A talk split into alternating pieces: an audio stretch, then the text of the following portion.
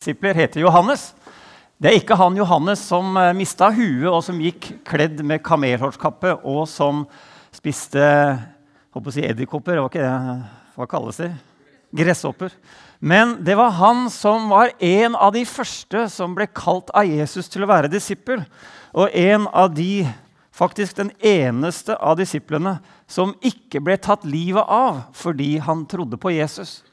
Johannes ble en gammel mann. Han ble forvist til øya Patmos, og så kom han seg derifra. Og når han ble veldig veldig gammel, 80-90 år gammel, så satt han i Efesus. Og i Efesus så begynte han å skrive ned det som vi i dag har som kalles Johannes evangelium. Og jeg har lyst til å lese slutten av det evangeliet. Men, men Johannes han er en som, som uh, Han har liksom han setter et eget navn på seg sjøl. Istedenfor å si Johannes, så sier han 'Jeg er den som Jesus hadde kjær'. Det er litt interessant. Eh, tenk å vite det, ja. At Jesus er på en måte glad i meg. Det er veldig mange ting som faller på plass når man vet at kjærlighet er fundamentet og motivet for det man holder på med. At, uh, jeg har jo en datter, det vet jo dere godt. Hun heter Julie. Og hun, uh, hun ja, det er jo sånn at Noen familier vi, de sier kanskje ikke så ofte at man er glad i hverandre. og sånn. Jeg vet ikke hvordan det er hjemme i din familie. Eh, når jeg vokste opp, så var det ikke så veldig vanlig i min familie å si 'jeg er glad i deg, mamma' eller 'jeg er glad i deg, pappa'. Jeg husker en gang på familieleir. Da fikk vi hjemmelekse fra det ene møtet til det andre. At vi skulle si 'mamma, jeg er glad i deg'. 'Pappa, jeg er glad i deg'. Og du verden så kleint det var. Er det noen som kjenner litt sånn på det er litt sånn vanskelig? Ja, Det er litt forskjellige kulturer. Men når jeg fikk et barn, så tenkte jeg nå skal jeg bryte den der greia der. Så nå skal jeg overøse barnet mitt med å si at jeg er glad i henne. Og det sa jeg hele tida. Hver gang jeg skulle legge av, når vi sto opp. Og, liksom veldig ofte. Og så var det en dag, da var hun kanskje tre år gammel, og så, og så sier eh, så blir jeg litt sånn, litt sånn grepet ikke sant? når du har et barn, og du er jo litt eh, forutinntatt, og du er jo ikke veldig objektiv, og du, du, er, du er, liksom inhabil. Eh, men jeg sier i hvert fall utbryter Å, Julie! Hvorfor er du så søt? Har du sagt det noen gang? Sikkert. Da kom det veldig vekselvoksent fra Julie. Det er fordi du er så glad i meg, det, pappa. Hun hadde jo skjønt det. At øya mine var litt farga av kjærlighet. Ikke sant? Og tenk deg å være Johannes, da, som opplever at 'jeg er den som Jesus har kjær'. Ja, Jesus, han, Johannes han likte veldig godt det med kjærlighet og skriver veldig mye om det. Og han skrev også dette her om at så høyt har Gud elska verden at han ga. Vi kaller det i dag den lille Bibelen som står i Johannes 3, 16. Men jeg har lyst til å lese helt fra siste biten av Johannes evangelium. Det var jo en litt sånn vanskelig situasjon. Du vet jo hvordan det hadde vært. Jesus hadde blitt korsfesta, han hadde dødd, hele disippelflokken var blitt eh, spredd for alle vinder, og plutselig så finner man seg i en litt vanskelig situasjon. Og så begynner Jesus å vise seg for noen, men ikke alle. Og der kommer vi inn. Thomas en av de tolv, han som ble kalt Tvillingen, var ikke sammen med de andre disiplene da Jesus kom. 'Vi har sett Herren', sa de til ham. Men han sa, 'Dersom jeg ikke får se naglemerkene i hendene hans og legge fingeren i dem' 'og stikke hånda i sida hans, kan jeg ikke tro.' Åtte dager senere var disiplene igjen samlet, og Thomas var sammen med dem. Da kom Jesus mens dørene var lukket.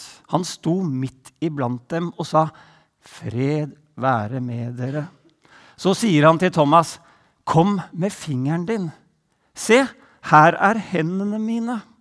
Kom med hånden og stikk den i siden min. Vær ikke vantro, men troende.' Min Herre og min Gud, sa Thomas. Jesus sier til ham, 'Fordi du har sett meg, tror du.' 'Salige er de som ikke ser, og likevel tror.' Og så sitter Johannes og så skriver han avslutningen på et fantastisk evangelium. Og så skriver han Jesus gjorde også mange andre tegn for øynene på disiplene. Tegn som det ikke er skrevet om i denne boken. Han hadde skrevet bare syv tegn, faktisk. Men disse er skrevet ned for at dere skal tro at Jesus er Messias, Guds sønn, og for at dere ved troen skal ha liv i hans navn. Er ikke det fantastisk slutt på et fantastisk evangelium? Er det ikke? Det har liksom både det bakovervendte, skuende perspektivet, men også det fremover du ser dere skal få liv. Er det ikke fantastisk? Nei, det er jo ikke det! Det er jo et grusomt slutt. Det er jo en katastrofal slutt. Fordi det, det snakker jo ikke om elefanten i rommet. Hæ? Elefanter? Hva, er, hva, hva, mener du med elefant? Jo, det som ingen snakker om. Det har skjedd noen ting som ikke nevnes, og som ikke sies av noen. Og vi må jo si noen ting om hvordan det gikk med Peter.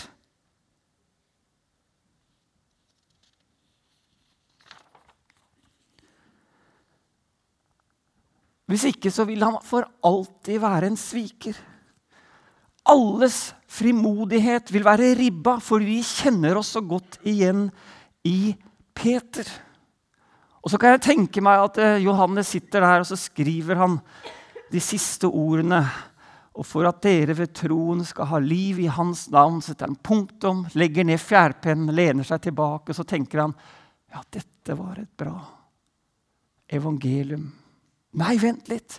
Jeg kan jo ikke slutte her. Jeg må jo fortelle åssen det gikk med Peter. Så sitter han kanskje og, og sukker til Gud. Skal det slutte sånn?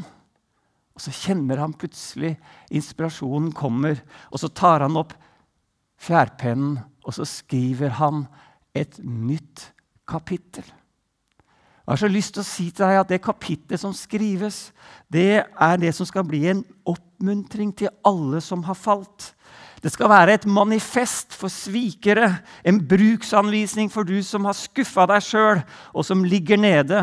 Et signal til deg som tror at håpet er ute. Og det skal illustrere en vanvittig gjenopprettelse av vennskap, av lederskap og om fremtid. Og hvis du sitter her i dag og tenker med deg sjøl at ja, jeg er sånn passe vellykka, jeg har jo fått det ganske bra til, jeg er litt bedre enn naboen, er jeg i hvert fall. Ja, da er ikke denne talen til deg. Men hvis du veit med deg sjøl at du har gått deg bort, at du trenger et veikart for å finne tilbake igjen, om du trenger en skisse å orientere livet etter, om du trenger en tegning for å bygge livet ditt, så kan du få lov å lese dette nye kapitlet. Gud vil skrive et nytt kapittel i ditt liv. Uansett hva fortiden sier. Da leser vi fra Johannes kapittel 21, som er det siste kapitlet i Johannes. Siden åpenbarte Jesus seg igjen for disiplene ved Tiberias-sjøen. Det gikk slik til. Simon Peter, Thomas, som ble kalt Tvillingen, Natanael fra Kana av Galilea, Sebedeus-sønnen og to andre av disiplene hans var sammen der. Simon Peter sier til de andre, 'Jeg drar ut og fisker'. Krise! Dette er jo ikke bra. Ikke fordi fisking er synd, liksom. Ikke fordi at fisking er blant de menneskelagde regler om kortspill og dansing som kristne og religiøse helst ikke skal gjøre. Det var i hvert fall i gamle dager. Og det er heller ikke fordi at Peter nå tenker at jeg, jeg skulle vært en disippel. Jeg fikk det ikke til. Jeg besto ikke testen. Nei, disippellivet var ikke for meg. Jeg prøver noe annet. Jeg kan bli en torpedo for mafiaen. Det kan jeg prøve meg på. Det er ikke der Peter er. Han er liksom ikke 'Nå har jeg forkasta alt av troa mi'. Men det er noe ved Peter som gjør at han snur seg tilbake og går i revers. Han vil fiske. Og det er dramatisk fordi vi kjenner igjen skuffelsen og nederlaget. Fortvilelsen for ikke å ha fått det til. Livet blir på en måte satt på hold, og man mister selvfølelsen. Man kan til og med miste omdømmet. Frimodigheten er ribba, og så tenker man her er det samling i bånn. Det eneste jeg kan gjøre, er å redde billetten til himmelen. Tjenesten kan jeg glemme. Jeg klarte ikke testen. Jeg har nok med meg sjøl. Jeg kan ikke hjelpe de andre. Jeg får sitte på bakerste benk i kirka. Eller forresten, kanskje jeg skal heller bare begynne å høre på podkast så slipper jeg å komme i kirka og se på alle de vellykkede menneskene som er der. Det er dramatisk fordi det er en kristen i revers. Vi blir også med, sa de andre. De gikk av sted og steg i båten, men den natta fikk de ingenting. Ikke så lenge før så hadde Peter og Johannes hatt en helt annen opplevelse på stranda. Tre år tidligere hadde de møtt Jesus på stranda. Ja, aller først så hadde Peter opplevd at svigermora hans ble frisk når Jesus kom forbi. Og så hadde han stått der uten, han hadde stått der på stranda uten å fått fisk en hel natt. Og så hadde han fiksa garna sine, og så hadde Jesus stått ved siden av ham og så snakka til alle menneskene. Ja, Jesus hadde til og med lånt båten hans for å stå litt ut fra vannkanten og snakke til den svære menneskemengden. Og så hadde ordene varma han på en helt spesiell måte. Og etterpå så ville Jesus ut og fiske. Men hallo, du fisker jo ikke på dagen. Alle veit jo det. Men selv om alle menneskene sto der og så på, selv om alle visste at det var dumt å fiske på dagen, så hadde de begynt på det. De hadde dratt ut på dypet. Ja, De visste at de kunne se litt dumme ut. De hadde gjort det fordi snekkeren ville ut og fiske. Og plutselig så hadde de fått så masse fisk. Drøssevis av fisk. To fulle båter. Det var helt magisk. Samtidig så hadde han blitt nesten helt hypnotisert. For han hadde helt glemt å tenke på fisk. Han hadde glemt å tenke på folka som sto og så på. Han hadde til og med glemt å tenke business. Han skulle jo ha tenkt på hva han skulle gjøre med fiskene. Han skulle ha tenkt på hvordan han skulle videreføre denne businessmodellen. Han burde fått Jesus med på fiskelaget. Han skulle ha tenkt mer business. Først hadde han tenkt at han ikke var bra nok. Han hadde falt på knærne og sagt, 'Jesus, nå må du bare gå. Jeg er ikke bra nok for deg.' Men etter en liten stund så hadde han skjønt at Jesus hadde tro på han. At Jesus var interessert i han, at Jesus ville velge han. At Jesus kanskje ville virke gjennom han. At han kunne bety noe for andre. Men det var drukna nå. I skuffelsene. I skuffelsen over fariseerne, som ikke skjønte noen ting. Som ikke skjønte at det var jo Messias. I skuffelsen over alle jødene som i det ene øyeblikket bare jubla og fulgte etter Jesus, var kjempehappy, og så neste øyeblikk så snudde seg mot ham og ropte 'korsfest'. Han var så frustrert over romerne, som hadde okkupert landet og utnytta folk. Og mest av alt så var han så frustrert over Pontius Pilatus, som først hadde sagt 'den mannen er uskyldig', og i neste øyeblikk så hadde han dømt ham til døden. Aller mest var han kanskje mest frustrert og skuffa over seg sjøl. For han hadde sagt til Jesus at du skulle regne med meg, Jesus. Om alle andre svikter, så skal jeg være med deg. Han hadde til og med tatt med seg et sverd, og i hagen så hadde han begynt å kjempe for Jesus. Men når han møtte denne jenta, denne lille jenta, tjenestepiken, så hadde han løyet. Og så hadde han banna, og så hadde han fornekta, og så hadde han svikta sin beste venn. Det er sikkert mange av oss som har opplevd skuffelser. Hva andre mennesker har gjort imot oss, hva kirka har gjort og sagt. Kanskje ikke denne kirka, men kirka som betegnelse på kristne mennesker. Skuffa over oss sjøl. I Amerika så sies det nå i siste undersøkelse at 59% av unge voksne de mellom 18 og 29 år de forlater kirka. Ikke nødvendigvis troen, men de forlater kirka. Og Som man undersøkt dette, så finner man seks forskjellige grunner til det. Det ene grunnen er at de opplever at kirka er altfor overbeskyttende. 23% av ungdommene, unge voksne sier at kirka demoniserer alt på utsiden av kirka. 22% sier at kirka ignorerer utfordringene i den virkelige verden.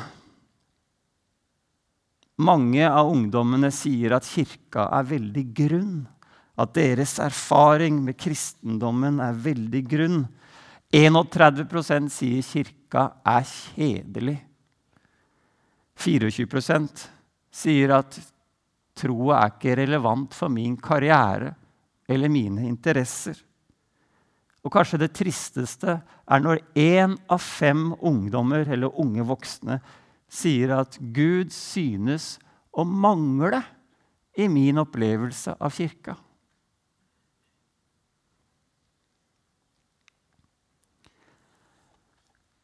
Ungdommene, De unge voksne sier at kirka er i utakt med verden. Særlig i forhold til vitenskap. 35% sier at de kristne virker som de er altfor selvsikre på at de har alle svar. Ungdommene sier at kirka forenkler og er dømmende, særlig når det gjelder i møte med seksualitet. Og 17% av ungdommene sier jeg har gjort feil som jeg angrer på, men jeg kjenner at kirka dømmer meg. De strever med at kirka er ekskluderende. De sier at 29% opplever at kirka er redd for andres tro. Like mange Én av tre sier at de er blitt tvunget til å velge mellom venner og kirka. Og så sier de at kirka er uvennlig mot de som tviler. 36% sier 'Jeg kan ikke stille mine vanskeligste spørsmål i kirka'. Mine viktigste spørsmål i kirka. Og 23% sier de har betydelig tvil. Det er helt klart at det er masse rom for oss å bli skuffa. Og kanskje har vi også blitt skuffa på våre egne opplevelser. Og Hadde jeg hatt dine opplevelser, så kan det godt hende jeg ikke hadde stått her. Om jeg hadde opplevd det samme som deg, så kan jeg forstå at du kanskje har valgt annerledes enn mange andre. Og kanskje er vi aller mest skuffa på oss sjøl. Og om du er skuffa på kirka eller på andre eller på deg sjøl, så har jeg lyst til å lese noen viktige ord fra Johannes evangelium kapittel 21. For når gutta hadde vært ute og fiska hele natta og ikke fått noen ting ja, Det er ganske miserabelt når du går tilbake til det du liksom tror du kan. Jeg fiksa ikke å være disippel, men fisking det er iallfall noe jeg har greie på. Så holder de på hele natta, og så får de ingenting. Ja, da er det svarte natta. Bokstavelig talt. Men så står det i vers 4.: Da morgenen kom, sto Jesus på stranda. Sto Jesus på stranda. Det var ikke sånn at Jesus plutselig kom tuslende forbi, og så by accident Oi, gutter, er dere her? Jeg ventet ikke at dere skulle komme her. liksom. Skulle jeg møte dere her? Det var jo hyggelig. Nei, når morgenen kom, sto Jesus på stranda. Og Det står ikke noe om det, men jeg kan tenke meg at Jesus hadde stått der hele natta. Fordi det var en uti den båten som han hadde så lyst til å få tak på. En som han hadde lyst til å snakke med. En som han brydde seg om, som han ville møte, og som han ville hjelpe. Som han ville tro på. Og så er det som om Jesus står der på stranda så tenker han med seg sjøl her, her er vi nødt til å gjenta noen sånne fiskegreier. Og så roper han ut til gutta. Gutter, har dere fått fisk? Nei. Ingenting. Og så roper han ut en gang til. 'Gutter, prøv på høyre side!' Det er snekkeren igjen. vet du. Han har god peiling på fisking. Kast ut nota di på høyre side. Det er som han sier, 'Jeg vil ikke at Peters liv skal havne i skyggen av skuffelsene'. Og så kaster gutta ut garnet på høyre side, og så er det fullt av fisk. Og da skjønner de det. Og så er det noen som sier det er Jesus som står på stranda. Det er Jesus. Da gjør Peter noe kjempelurt. Jeg husker jeg får ta bruke jul igjen. da. Vi hadde blomsterpotter på gulvet i stua når Julie var under ett år gammel. Julie elska å krabbe bort til blomsterpotta og ta og hive den jorda utover teppet. Og jeg prøvde alt jeg kunne. Det eneste som virka, det var liksom den der fysiske ta løfta bort derfra. Men hun gikk tilbake igjen, og jeg prøvde. Nå skal jeg være liksom flink, da. Julie? Nei. Var veldig sånn forsiktig. Dette må vi ikke gjøre. Og Julie holdt på. Og jeg prøvde litt Nei, Julie. Jeg var litt, sånn, litt mer arg. Julie! Og liksom, til slutt så var jeg så streng i stemmen min at Julie krabba under spisebordet og gjemte seg. Fordi at det ligger inni oss at når vi blir konfrontert med noe ubehagelig, noe som er vondt, noe som vi er flau over, noe vi har gjort gærent, ja, da har vi mest lyst til å gå og gjemme oss. Og der ute i båten så står Peter, og så sier de det er Jesus på stranda. Og hva gjør Peter? Han gjemmer seg ikke underst i båten, sånn som vi var ute og seilte ut til eh, Stråholmen. Jeg og en kamerat. Han er fra Kristiansand. Og vi tok en liten snarvei. Det er veldig grunt på innsida der. Det var lite vind, og vi seilte koselig og fint. Og så plutselig var det som båten gikk sånn Og så sto vi på sandbanken. Da gjorde min venn Andreas Han gikk i kirka her før. Flytta til Kristiansand han, han, gjorde det som sikkert Peter skulle gjort. Dø, så flaut! Dø, så flaut, sier han på sånn sørlandsdialekt som ikke jeg kan. Og så kasta han seg nedenunder. Her skal ingen se at jeg fins i båten, i hvert fall. Det kunne Peter ha gjort. De sto og vinka fra land. vet du. 'Ikke seil der!' Jo, det går fint, vi har så kort kjøl, sier jeg. vet du. Han rett under. Hva var det Peter gjorde? Det er Jesus som står på stranda. Han kasta seg i vannet og svømte inn til Jesus. Og så står det ingenting om den samtalen der. Det var en privat samtale mellom Jesus og Peter. Og du kan jo tenke deg hva Peter sa. Jesus er så lei meg. Er så lei meg. Jeg sa jeg skulle være din beste venn. Er så lei meg. Og så etter en liten stund så begynner de også å spise fisk. De hadde jo fått litt fisk, da, 153 i alt, står det der. Det er ikke alle fiskere som teller så godt. Og mens de sitter der og spiser fisk, så er det som om Jesus sier til dem Foran alle sammen, Simon, sønn av Johannes, elsker du meg? Det er litt kleint Det er litt ubehagelig. Men av og til er det utrolig viktig å si de kleine tingene. Og Det er som om Jesus der foran alle disiplene har lyst til å gjenopprette relasjonen. Ikke bare til seg sjøl, men foran alle de andre. Si at 'jeg mente det jeg sa, Peter'. Jeg har ikke endra mening. Fallet og sviket ditt endrer ingenting. Om du vil, så skal jeg jobbe sammen med deg videre. Ja, Herre, du vet jeg har deg kjær, sier Peter. Fø mine lam, sier Jesus. Jeg har tillit til deg, Peter. Jeg vil betro deg mine dyrebareste, mine mest sårbare.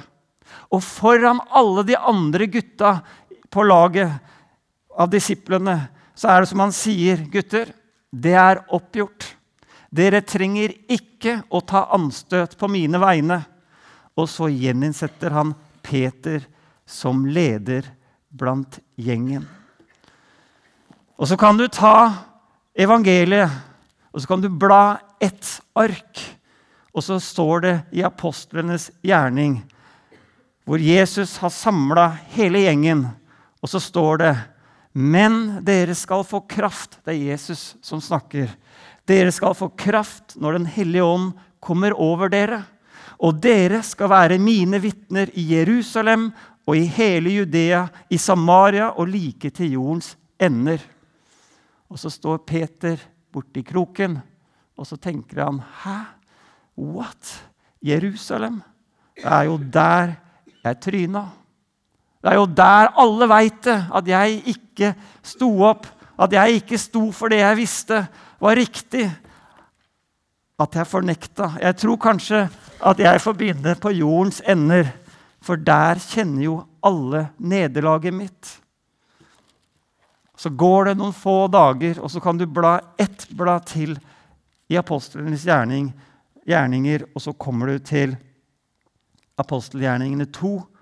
Og da pinsedagen kom, så trådte Peter fram sammen med de elleve og tok til orde og talte til dem. Og 3000 mennesker ble med i kirka. Fordi Gud gjorde alle ting nytt. Martin har bedt meg om å lese et vers for dere. Det er fra Kolosserne, kapittel 2, og vers 13 og 14. Dere var døde på grunn av misgjerningene og deres uomskårne kjøtt og blod. Men han gjorde dere levende sammen med Kristus da han tilga oss alle våre misgjerninger. Gjeldsbrevet mot oss slettet han det som var skrevet med lovbud, han tok det bort fra oss da han naglet det til korset. Hæ? Jeg har vel ikke vært død, sier du. Her må vi forstå at død betyr ikke liksom å ikke leve. Og syndens lønn er døden, står det også i Bibelen. Det betyr ikke at hvis du gjør noe gærent, så kommer Gud med et lyn og bare så skal han liksom dø. Det er ikke det som det betyr. Død betyr adskilt. Konsekvensen av at vi har gjort gærne ting, er at vi har kommet på avstand. Død betyr ikke levende. Betyr ikke ikke levende, men adskilt. Og da har jeg lyst til å lese ett vers til. Men nå, i Kristus Jesus, er dere som var langt borte, kommet nær på grunn av Kristi blod. Jesus vil at vi skal komme nær. Nær Han. Nær oss sjøl. Nær fellesskapet. Og nær din design og din hensikt. La oss be. Jesus, jeg takker deg for at du tok straffen og nagla det til korset. Jesus, jeg takker deg for at du er en så raus Gud. Og jeg takker deg for at du skriver et nytt kapittel i våre liv. Jesus, jeg ber om at alle vi skal få lov å oppleve din tilgivende kraft i livene våre, slik at vi kan få lov å komme nær. Nær deg, nær oss sjøl, nær fellesskapet og nær din design og hensikt med våre liv. Akkurat som Peter fikk lov å gjenoppta kallet, ber vi om at du skal gjenoppta kallet og bekrefte det og tale det til oss, alle vi som er her. Vi ber om det i Jesu navn. Amen.